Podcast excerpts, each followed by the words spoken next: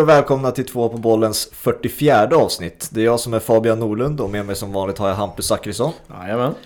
Och idag sitter vi för omväxlings skull själva i studion och bara du och jag. Ja, exakt. Det börjar bli svårare och svårare att hitta saker att prata om. Verkligen. Eh, att, eh, men eh, det ska vi nog lösa även fast det bara är vi, vi två idag.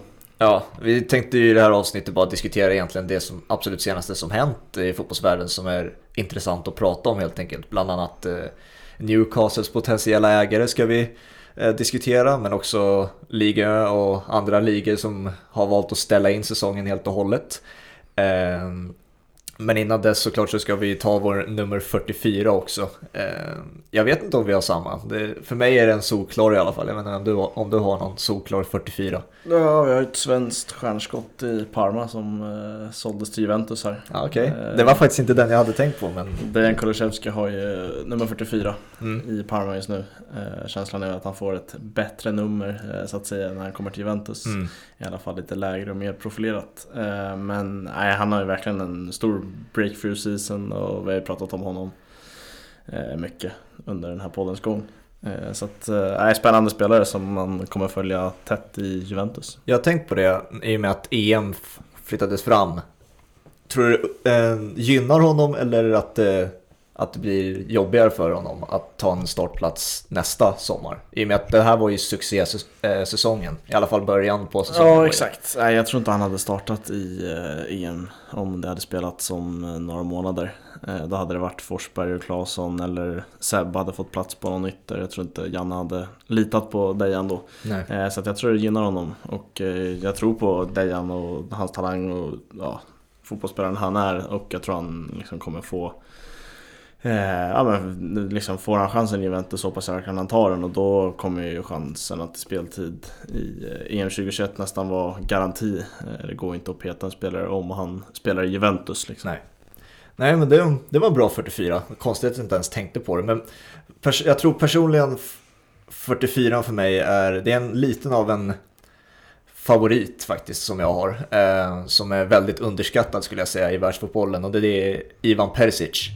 Ja. Eh, har ju inte nummer 44 nu, han hade det i sin tidigare klubb i Inter. Nu har han 14 i Bayern München men han har ju ett otroligt CV för att vara så otroligt underskattad. Först och främst har han ju spelat för lag som Dortmund, Inter som sagt, Bayern München, även Wolfsburg. Och så har han ju ett VM-silver eh, med Kroatien nu senast. Eh, väl, och så lika bra med båda fötterna. Eh, tycker det är en konstig, väldigt konstig udda spelare med tanke på num- numren han väljer. Han har någonting för fyran. Ja, exakt. Han, eh, 44 känns ju verkligen som hans på något sätt. Ja. eh, Nu när du säger det. Jag tänkte inte på det innan. Eh, och som du säger också en underskattad spelare. Eh, jag tycker han är eh, ja, men riktigt jävla bra. Men man själv nämner ju honom aldrig som en spelare som ska vara med i de här världselvorna. Eh, men där är han ju och snuddar, eh, Mm. tycker jag. Eh, sen, man fick inte se honom så mycket i Bayern München efter han gick dit. Nej. Eh, Men i Inter var han ju riktigt bra och eh, i VM var han väl bäst efter Modric i Ja. Kroatien. Så Vad, att det är en otrolig spelare. Vad, vad tror du anledningen är att han har fyran? I fy, han har ju nummer fyra i Kroatien, han hade nummer 44 i Dortmund, han hade nummer 44 i, i eh, Inter, han, hade nummer, han har nummer 14 nu i Bayern München. Vad är Ja. grejen med han och Nej, jag fyran? vet inte, onekligen är det ju någonting. Jävligt svårt att spekulera i. Ja. Eh, Men eh, det, det man kan konstatera är att han, det är någon grej för fyran i alla fall. Han gillar nummer den, fyra. Den ska han ha på ryggen på ett eller annat sätt. ja, det, var, det är min nummer 44 i alla fall. Yes. Eh, och eh, som sagt, vi ska diskutera idag, idag om det absolut senaste inom fotboll. Eh, och vi börjar i, i Newcastle, så häng på. Innan vi drar igång bara med Newcastle och ägarbytet eller det potentiella ägarbytet som eh, snart sägs äga rum så vill jag ändå bara prata lite om det senaste om eh, Corona eller det var ju avsnitt 37 vi diskuterade om eh, Coronans påverkan inom fotbollsvärlden och vi diskuterade vad det skulle innebära för fotbollen och vad det gör just nu. Det har snart gått två månader sedan vi spelade in det. Hur, eh, hur går tankarna kring fotbollen och coronat eh, just nu för dig? Nej, jag tycker man slängs mellan liksom hopp och förtvivlan och sen slängs man även med sig själv om vad, vad man ska tycka och tänka.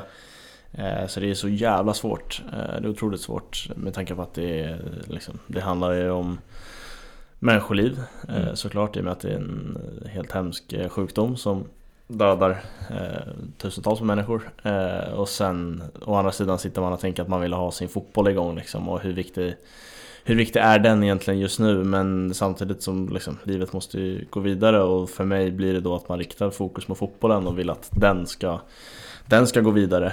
Eh, så det är så jävla svårt, man slängs liksom med sig själv om vad man, om man tycker rätt och tänker rätt. Eh, och sen slängs man även mellan hopp och förtvivlan när, när ligan rapporteras dra igång och sen stängs ligan ner. Och äh, det är svårt. Det, man har någonstans börjat vänja sig vid att det inte är någon fotboll. Mm. Och känslan är att liksom man man klarar ju det, det är, det är, inte kul överhuvudtaget men liksom nu är det så här och man har, man har vant sig vid det. Eh, skulle det vara så att fotbollen drar igång i september igen då, då får det vara någonstans så. Mm. Eh, det är så jag känner just nu i alla fall. Självklart vill jag att eh, Bundesliga drar igång 9 maj som det rapporteras om. Ja.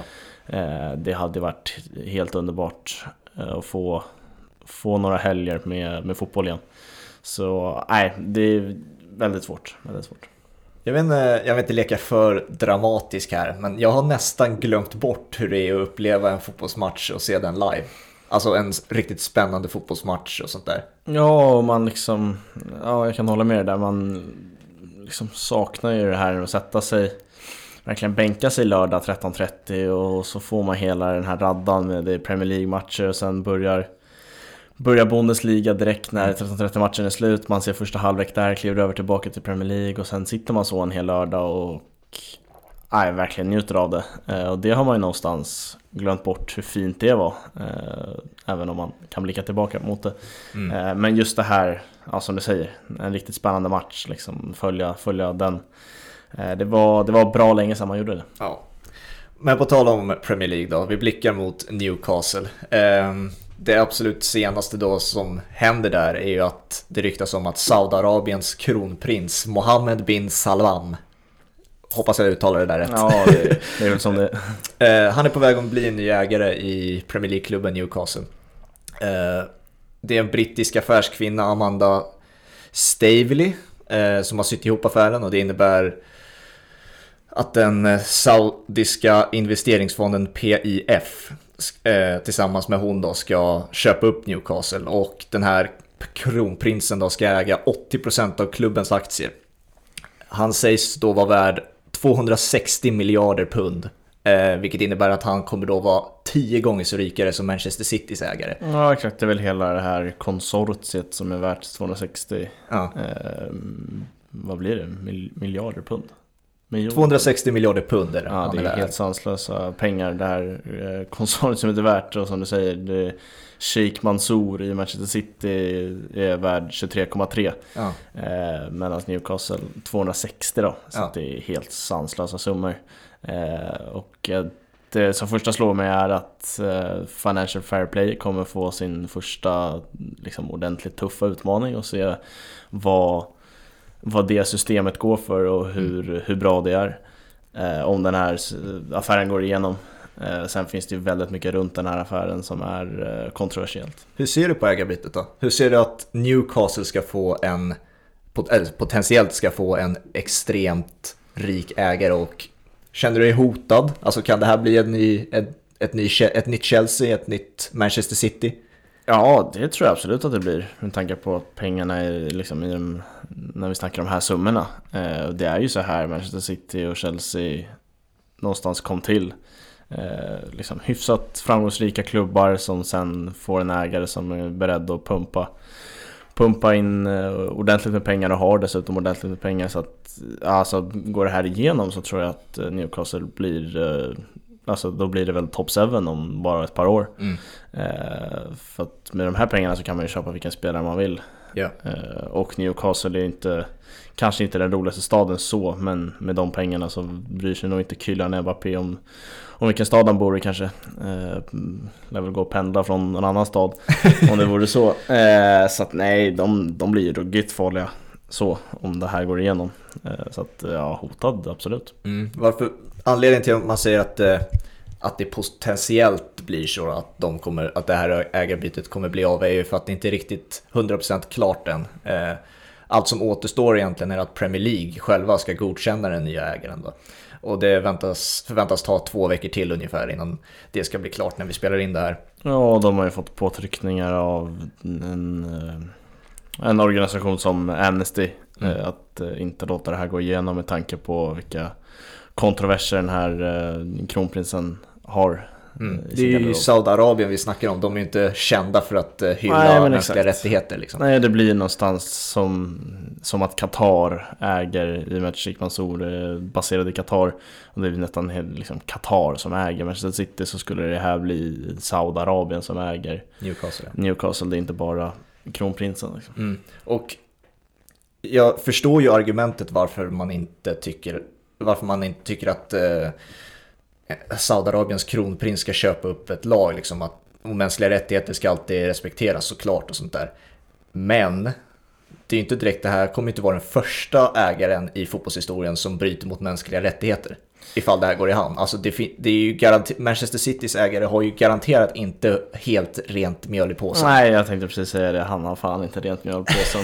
Eh, det är något som liksom, tränaren Pep Guardiola har ju fått frågor om det och han blir ju han blir så otroligt irriterad varje gång och tycker mm. att han är inte är rätt man att stå till svars för det. Men någonstans blir han ju det. Mm. Han tränar ändå fotbollslag som, eh, ja, som drivs av en eh, sån typ av person som säkert har en del skit i garderoben. Eh, och det här skulle nästan bli ännu värre. Mm.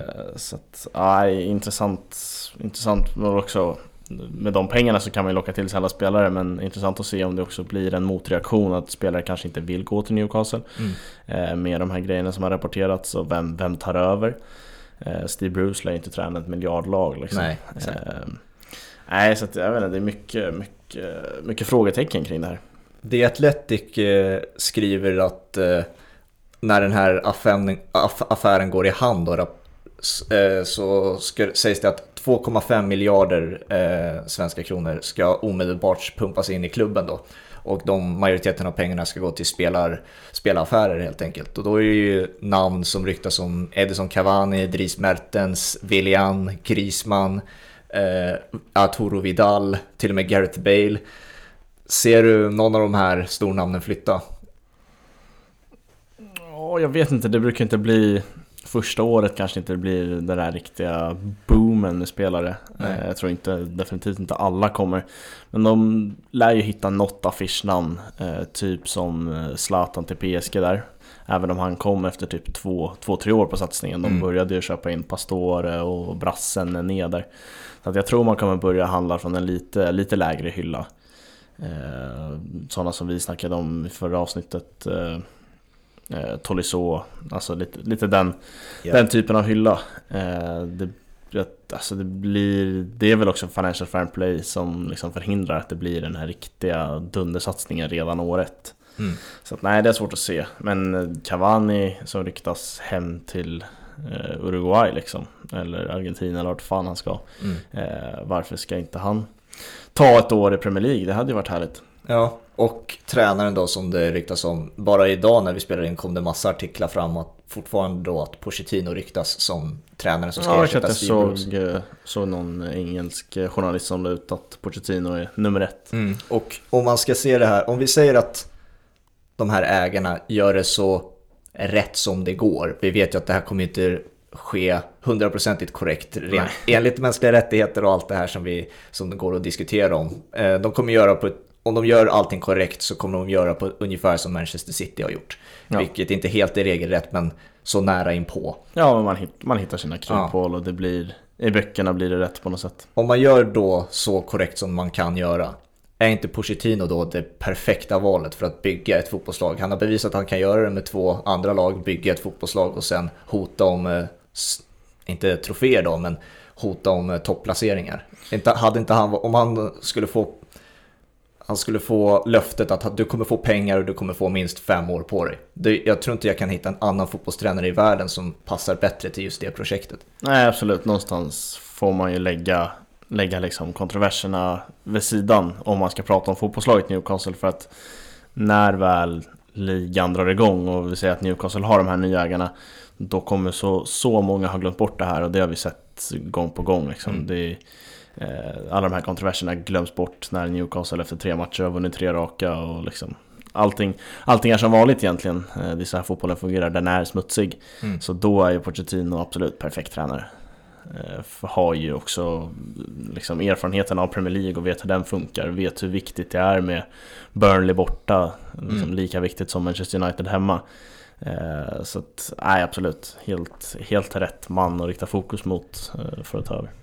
En av de stora anledningarna till att jag verkligen vill att den, det här ägarbytet ska ske är att då kommer det vara ytterligare en sån här riktigt mäktig, om allting går rätt såklart, att det här, då kommer det finnas ytterligare en riktigt mäktig engelsk klubb ute i Europa. För att om man jämför till exempel med Manchester City, som det är väldigt enkelt att jämföra med. Helt, alltså rent sportsligt sett så har det ju gått 100% rätt för dem. Eh, deras satsning har lyckats, de vinner titlar och allt möjligt. Men det finns liksom en gräns på hur långt de kan nå. Det finns ett tak liksom. Ja, Eh. och f- liksom fansmässigt är de inte så mäktiga, det ska man vara Exakt, ärlig med. exakt, det är det jag vill komma till. Newcastle har den där läktarkulturen som påminner om Anfield. Liksom. Ja, definitivt. Så att det hade ju, Newcastle är ju kända för att de tog med sig 20 000 fans till San Siro en gång när de spelade i Champions League. Det gör inte Manchester City, det gör inte Chelsea, det gör inte de här, de här eh, topplagen som det är numera. Eh, som har tagits över av de här rika ägarna. Här har man ett, en, en stad som verkligen älskar sin fotbollsklubb. Ja. Eh, och det skulle ju innebära då att det kommer bli en, ett lag som man kan jämföras med Liverpool och Anfield, Dortmund och gula väggen. Liksom, det är den typ av läktarkultur vi kan se ute i Champions League igen. Och det är ju därför jag vill se att, det här går i hamn. Ja, jag köper det, håller med dig verkligen. Och det liksom sluter bara fansen upp bakom det här eh, saudiarabiska konsortiet så tror jag ju att det blir hur bra som helst. Eh, Får in rätt, rätt sportchef, liksom någon som kan sköta det sportsliga också. För det, det tror jag inte eh, är tanken att liksom Saudiarabien ska göra. Eh, Det får ju ta in någon som kan det där med fotboll. Det som är synd med affären är ju så att man måste hela tiden nämna eh, vad det är för typ av liksom, diktatur som tar över en fotbollsklubb och Ja. kontroverserna kring det. Eh, tyvärr så får vi nog bara acceptera det. Fotbollen är så här smutsig. Mm. Eh, och tar de över så man kan liksom kalla mig blind eller så, men jag kommer fokusera på fotbollen Newcastle presterar. Självklart ska man ha med sig vad det är för ägare och sådär, men det blir för mycket för mig i alla fall att fokusera på. Så att eh, jag, jag blir ju spänd på liksom det sportsliga projektet och hur det kommer att gå till. Ja. Eh, verkligen. Och det är inte rättvist heller att sätta en sån stor skuld på Newcastle. För Newcastle är ju mer än bara ägarna, det är ju fansen också och spelarna som är där. Och de kan ju inte kontrollera att ägarna bryter mot eh, vissa regler. Eh, alltså fansen kommer vara där för att stötta sitt fotbollslag, inte stötta ägaren och vad de, eh, vad de får sin inkomst ifrån. Det har inte de med att göra och det vet de. Ja, det, det är det här man får när man inte har någon 51%-regel. Eh, Vem som helst kan ju gå in och köpa klubben. Mm. Eh, Han skulle ju kunna gå in och köpa Newcastle och döpa om dem till vad fan han vill och börja spela i blå, blågula tröjor liksom. Ja. Eh, Så, att, så är det ju. Och därför tycker jag det är så jävla nice med 51%-regeln här i Sverige. Mm. Så att man slipper, slipper just det här. Även om det blir svårare för kanske svenska lag att gå långt i Europa så kan jag tycka att det är värt att ta den smällen. Eh, För att inte drabbas av, av sådana här typer av ägare. Eh, Men när väl ägarna är på plats så vet vi att det mesta kommer vara glömt eh, så länge resultaten på planen nås. Mm.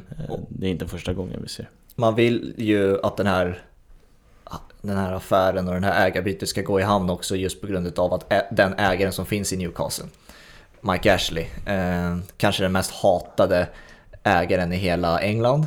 Är det, är jag överdriver jag då om jag säger så? Nej det tror jag inte. Men jag tror ju att de här eh, nya ägarna kan konkurrera med det också på ett annat sätt. Jo, absolut. Eh, det här är det ju, Mike Ashley är det Newcastle-fansen som hatar. Ja. Eh, De här nya ägarna skulle ju få rätt mycket skit av resterande klubbar i Ja. ligan.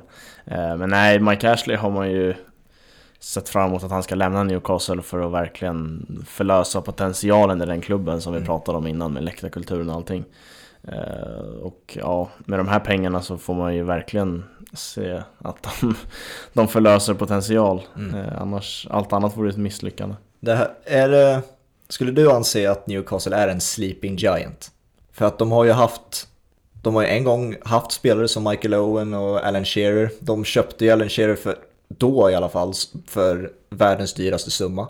Så att de har ju historia för att vara, alltså, på den absoluta toppen i England. De hotade ju om titlar mot Manchester United för, det var ett tag sedan nu, men de har gjort det tidigare. Så är det en sleeping giant eller är det eller ska man jämföra dem mer som ett Manchester City som kommer från ingenstans med alla de här miljarderna? Ja, de är väl närmare Sleeping Giant än vad Manchester City var. Mm. Eh, fast jag inte skulle närm alltså, nämna dem som en Sleeping Giant. De är väl, de är väl uppe och går. Eh, men det går inte fort och det går inte bra. Eh, så det här skulle verkligen få dem att liksom börja springa. I, I en takt som kanske inte andra lag ens hänger med i om några år.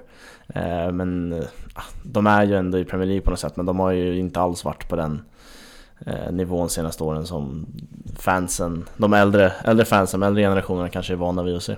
Mm. Någonting mer du vill tillägga innan vi går över till liga? Nej, det är väl just det här med kontroverser, kontroverserna har gjort att eh, det är någon amerikansk ägare som kommer in från vänster eh, och vill kapa den här affären Mm. och ta över Newcastle. Så att det man kan konstatera är att Mike Ashley kommer ju lämna Newcastle Även om man kanske har sagt den meningen många gånger Ja. för att det är inte första gången det ryktas om en försäljning Men det känns nära nu Eh, Den här saudiarabiska prinsen har ju lagt ut på Twitter eh, För två dagar sedan att det, saken är klar Mm. eh, Med en bild på St. James' Park och skrev att det var done Så att, ja, nej Spännande. Eh, Ägarbytet kommer ske Ja. eh, på ett eller annat sätt. Vi går över till Frankrike idag. Eh, tidigare har den holländska och den argentinska och även den belgiska, eh, de ligorna har ställts in. Eh, nu ställs även Liga Ö in. Den här säsongen som spelats, den kommer inte räknas från och med nu. Och på grund av coronaviruset såklart. Det bekräftade den franska premiärministern Eduardo Philippe under tisdagen. Eh, och då finns det ju många reaktioner på det. Vad, vad är din reaktion på att Ligue 1 ställs in? Ja, att det någonstans kom närmare eh, en själv på något sätt i och med att man följer de stora ligorna. Eh, och man får väl räkna det här till en av de stora. Eh, att det liksom kändes att, ja fan, vi kanske inte, vi kanske inte får någon fotboll i sommar som man kanske hade hoppats på. Eh, så det kändes, ja, väldigt tungt. Eh, kändes också märkligt med tanke på att de inte har tagit ett beslut om nedflyttningar, vem som ska vinna ligan. De har ju bara tagit ett beslut att det inte kommer spelas någon fotboll och sen skjuter de fram allt det där annat Mm som är viktigt runt omkring. Eh, så att jag kan tycka att det kanske man borde ha på plats innan man tar ett sånt här beslut. Exakt, så jag tänkte vi kunde diskutera de tre alternativen som de franska ligorganisationerna eh, håller på att välja mellan nu.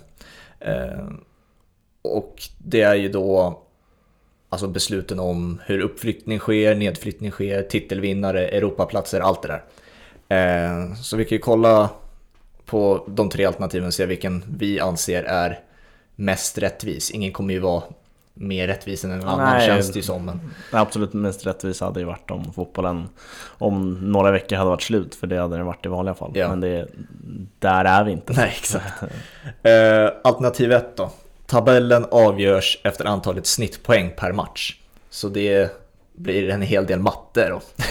Ja men exakt. Eh, Jag kollade på det där just i Premier League och det hade ju inneburit att Aston Villa hade klarat sig. Mm. Med tanke på att de har en match mindre spelad och då hade det ju varit kanske den mest eh, värdefulla ligacup-runnen som eh, ett lag har varit med om med tanke på att det är därför de i så fall skulle ha en match mindre spelad för att Ja. de har spelat massa cupmatcher.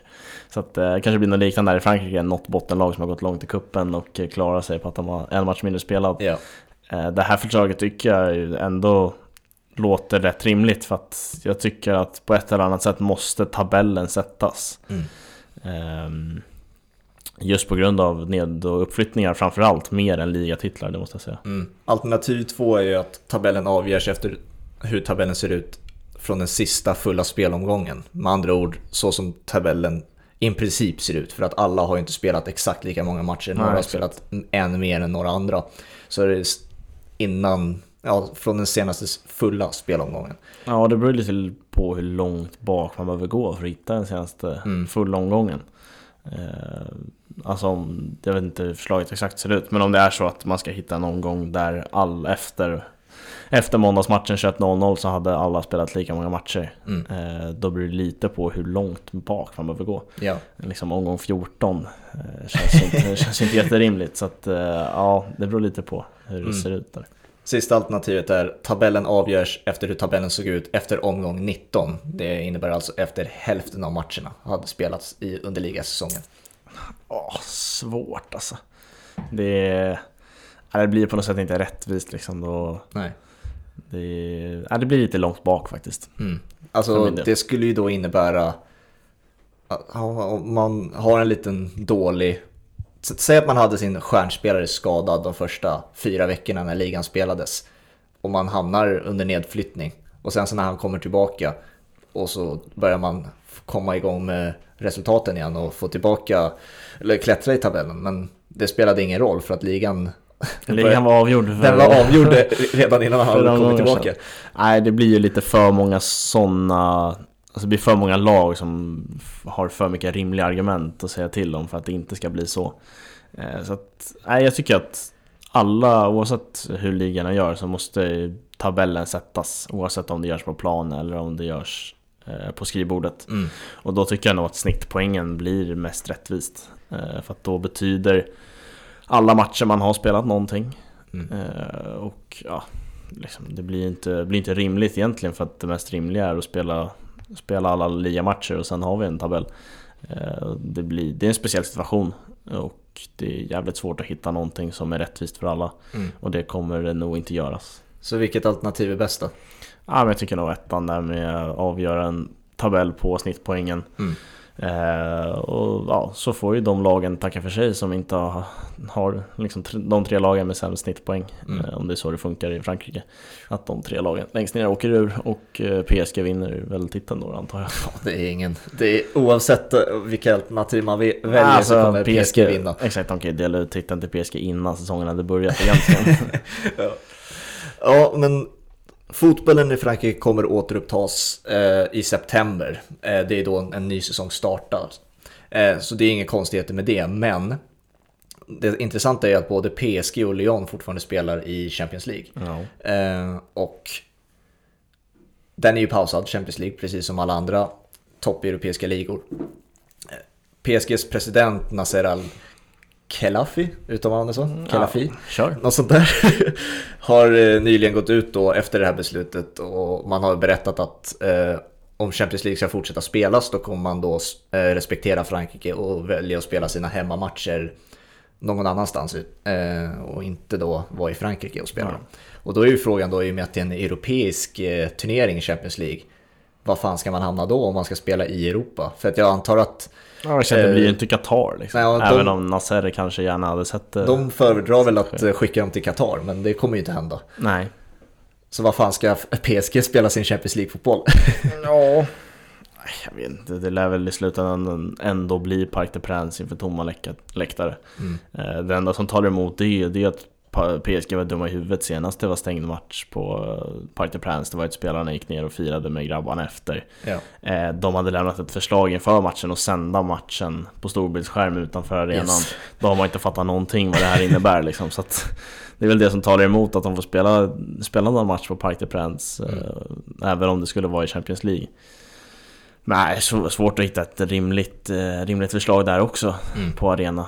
Får väl spela två matcher på, eller ta, ta typ Wembley eller någonting. Mm. Tuff situation ändå för spelare i PSG och Lyon. Nu säger jag inte att det är synd om dem, men det, de andra lagen i Frankrike, de kan ju bara, de kan ju bara sätta sig ner och chilla, liksom vänta till Ja, september. de får ju ta semester i sina lyxvillor liksom. Ja, medan PSG-spelare och Lyon-spelare måste ändå hålla sig i trim inför Champions League. Eh, vilket är en väldigt tuff uppgift, för man vet ju inte ifall Champions League heller kommer starta. Nej. Eh, så det är väldigt roligt att tänka på, att, eller roligt. jag vet inte vad man ska kalla det. Är det Ja, tragiskt? Man kan, nej, man kan kalla det roligt. Ja, det kan vara lite Man roligt. behöver inte vara, behöver inte vara allt för allvarlig i de här diskussionerna. Nej. Även om det i grund och botten eh, bottnar i något allvarligt så tycker jag att man kan Neymar står och springer på sitt löpband där i månader och sen Ja. visar det sig att det var helt onödigt. Och sen första, första bolltouchen i kvartsfinalen mot Barcelona är katastrof. Ja. Men eh, på tal om Neymar då.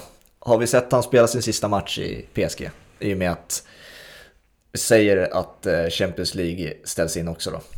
Stannar han i PSG med tanke på hur konstig situation det här är med tanke på hur marknaden kommer se ut efter den här och allt det här. Kommer han stanna ytterligare ett år som man verkligen inte vill i PSG? Ja, Det ska man säga, det är jävligt mycket att hålla reda på kring eh, transferfönster och allting. Jag läste något senast idag om att transferfönstret ska hålla öppet, öppna i augusti och stänga typ första oktober eller någonting. Oj, Eh, så att, nej, man, man vet inte, ingenting är fastställt och det är det som gör det så svårt att diskutera de här sakerna. Eh, jag tror Neymar kommer lämna PSG. På ett eller annat sätt. Han har inte, han har inte råd att vara kvar där. Nej. Han måste, måste till en bättre liga på något sätt för att förstärka sitt legacy. Mm. Eh, och det tror jag att han tycker är viktigt att han kommer komma sig ihåg som en av de största. Mm. Eh, och det kommer inte jag komma ihåg honom som om han stannar i PSG.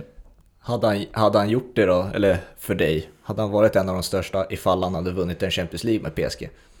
Ja, det blir någonting annat, det måste jag säga. Mm. Eh, men tyvärr känns det ju som... Ja, den här chansen känns ju som den spolieras av just att eh, de inte kommer spela några matcher i Frankrike och sen om Champions League drar igång så kommer PSG där eh, antagligen rätt matchotränade. Eh, svårt att se att de vinner, vinner en sån turnering då. Mm.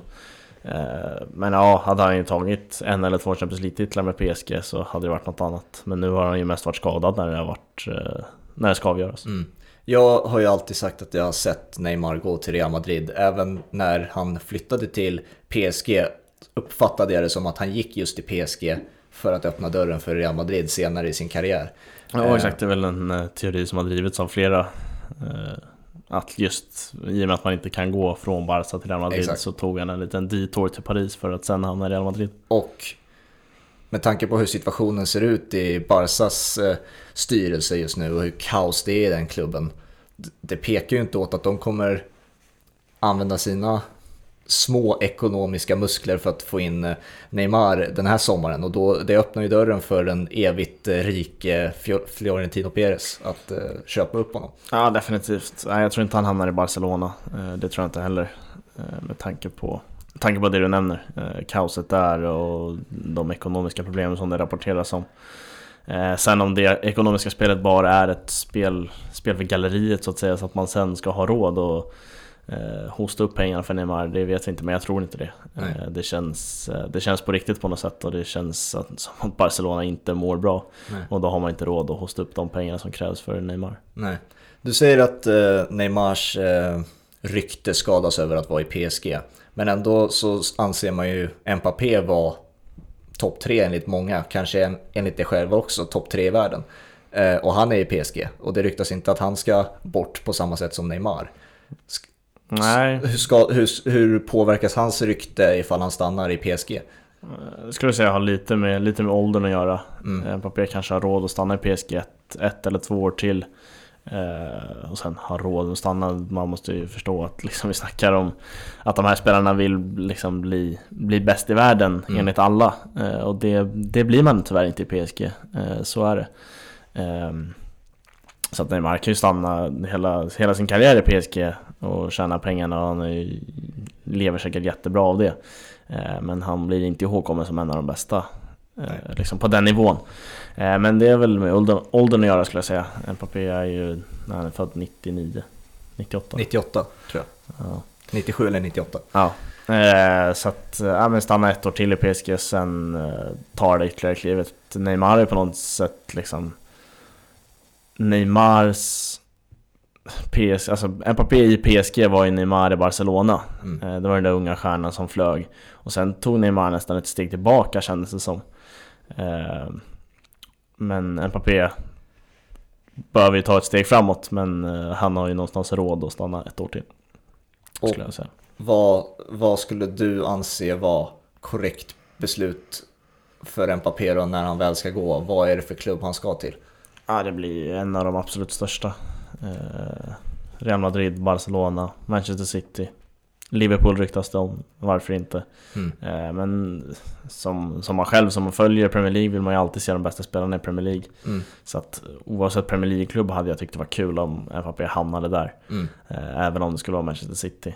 Eh, annars känns ju Barcelona och Real Madrid som tänkbara destinationer. Mm. Jag tänker också det mycket att nu när Premier League ändå har den här stämpeln på sig att vara topp två i alla fall bästa ligan i världen just nu. Det kanske är just Premier League och Serie A som är mest attraktiva just nu. Ja, det känns nästan som La Liga blivit omsprungen där av Mm. till och med Serie A. Och då gäller det väl för Premier League-klubbar att verkligen utnyttja den situationen och locka dit sig sina spelare, eller de här spelarna som vill bort. Och det är ju Mbappé och Neymar. Varför skulle inte Neymar kunna gå till ett Manchester City? Ja, det hade ju definitivt varit trevligt. Eh, se liksom Matthew Lowton mot Neymar.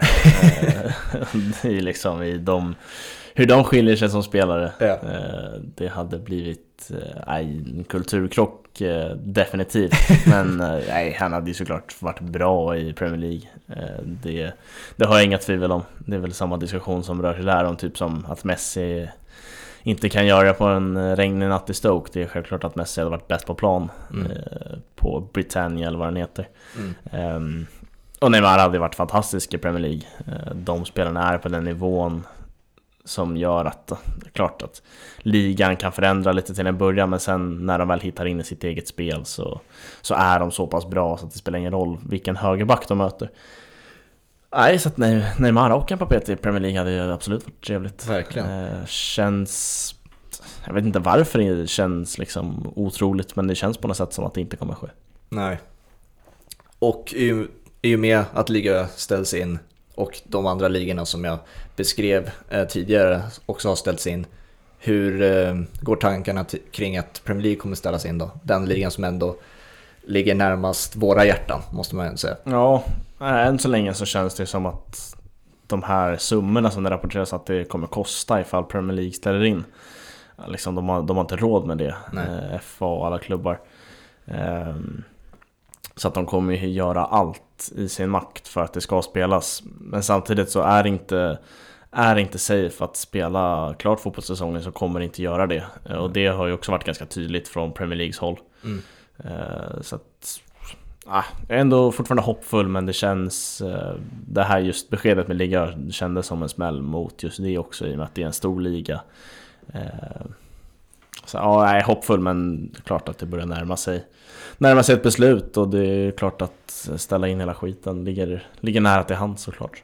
Vi kan ju avslutningsvis diskutera Premier League och den eviga diskussionen om hur spelare ska gå ner i sin lön. Jag såg att Roy Keane var, gick ut och pratade om det där att han tyckte att storklubbar inte hade någon som helst rätt att eh, kräva att spelare skulle gå ner i sina höga löner och att eh, de skulle fokusera på sitt företag istället och att styra med de många miljoner eller miljarder eh, och lösa problemet själv och inte utnyttja spelare. Hur ser du på spelarna och att de, vissa erbjuder att gå ner i lön men vissa vägrar ju också. Ja, jag tycker det är otroligt girigt att inte gå ner i lön i en sån här tid eh, med tanke på vilka, vilka pengar många av de här spelarna har på sina sparkonton. Liksom. Jag förstår att inte liksom, spelare i Allsvenskan är speciellt sugna på att kliva ner i lön. Eh, Men att Mesut Özil rapporteras vägra i Arsenal, det, det sänder så fel signaler på något sätt. Mm. Eh, Att det handlar om att man fortfarande ska ha 100% lön i en sån här tid. Eh, Det blir väldigt konstigt om man måste hjälpa hjälpa klubben framförallt och sen liksom även göra det man kan i, i de här tiderna. Så att jag tycker det är självklart rätt för, inte, alltså för, för toppspelarna liksom. De vet vilka de är eh, som sitter på de lönerna där det är helt lugnt att gå ner i lön. Mm. Eh, och det gäller ju nog samtliga spelare i Arsenal, Chelsea, City, Liverpool, United eh, och Tottenham. Så att, nej, det, jag tycker det sänder fel signaler. Och just det här med Mesut Özil och Arsenal tyckte det var, det var så givet men så jävla synd att det var Mesut Özil som rapporterades vara en av de fyra eller vad det var som vägrade. Ja. Det, det hade varit så skönt om han inte, att man slapp vara i den sitsen. Mm. Att, att det var han liksom. Mm. Eh, sen fattar jag att det är han själv som har satt sig i den. Eh, men det hade varit befriande om det var någon annan spelare rapporterade så. Mm.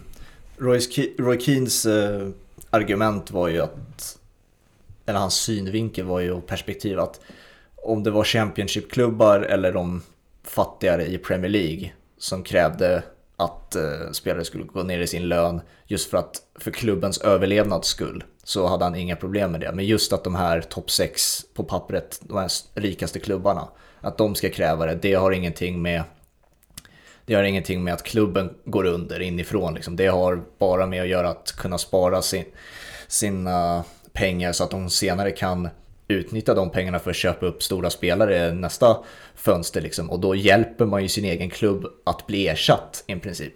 Ja. Det, och jo är men det är väl, jag tror att det är exakt det det handlar om.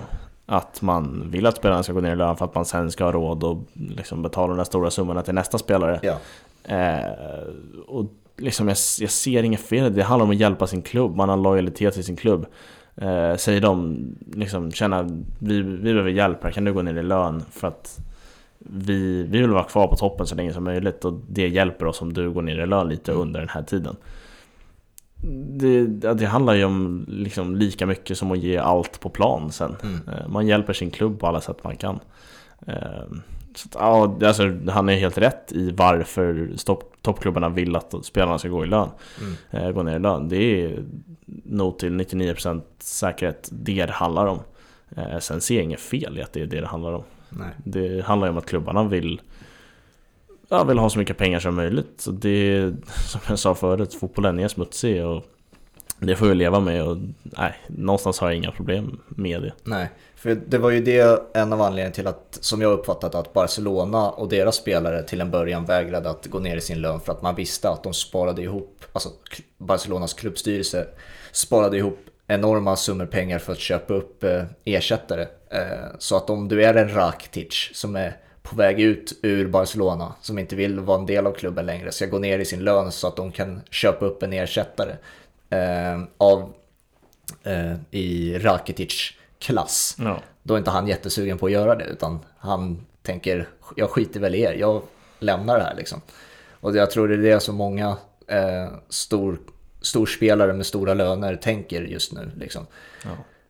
ja man, får väl, man får väl acceptera det också att liksom man ser man, alltså man ser igenom klubben varför de vill att man ska gå ner i lön och väljer då att vägra.